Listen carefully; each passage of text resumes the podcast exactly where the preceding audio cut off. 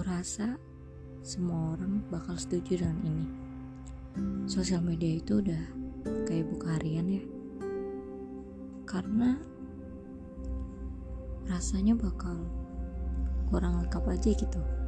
Kalau apa pun yang kita lakuin, kita rasain, enggak kita post di laman sosial media kita.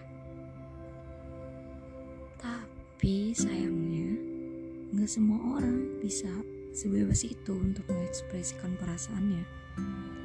Mereka membutuhkan wadah untuk berbagi apa yang mereka rasakan. Tanpa orang lain tahu kalau sebenarnya kisah yang saya bagi adalah kisah mereka yang tak ingin disebutkan namanya.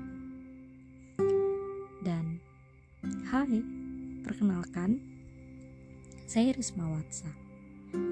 Di podcast ini, saya akan berbagi kisah tentang apa pun yang saya lihat dan yang saya rasakan.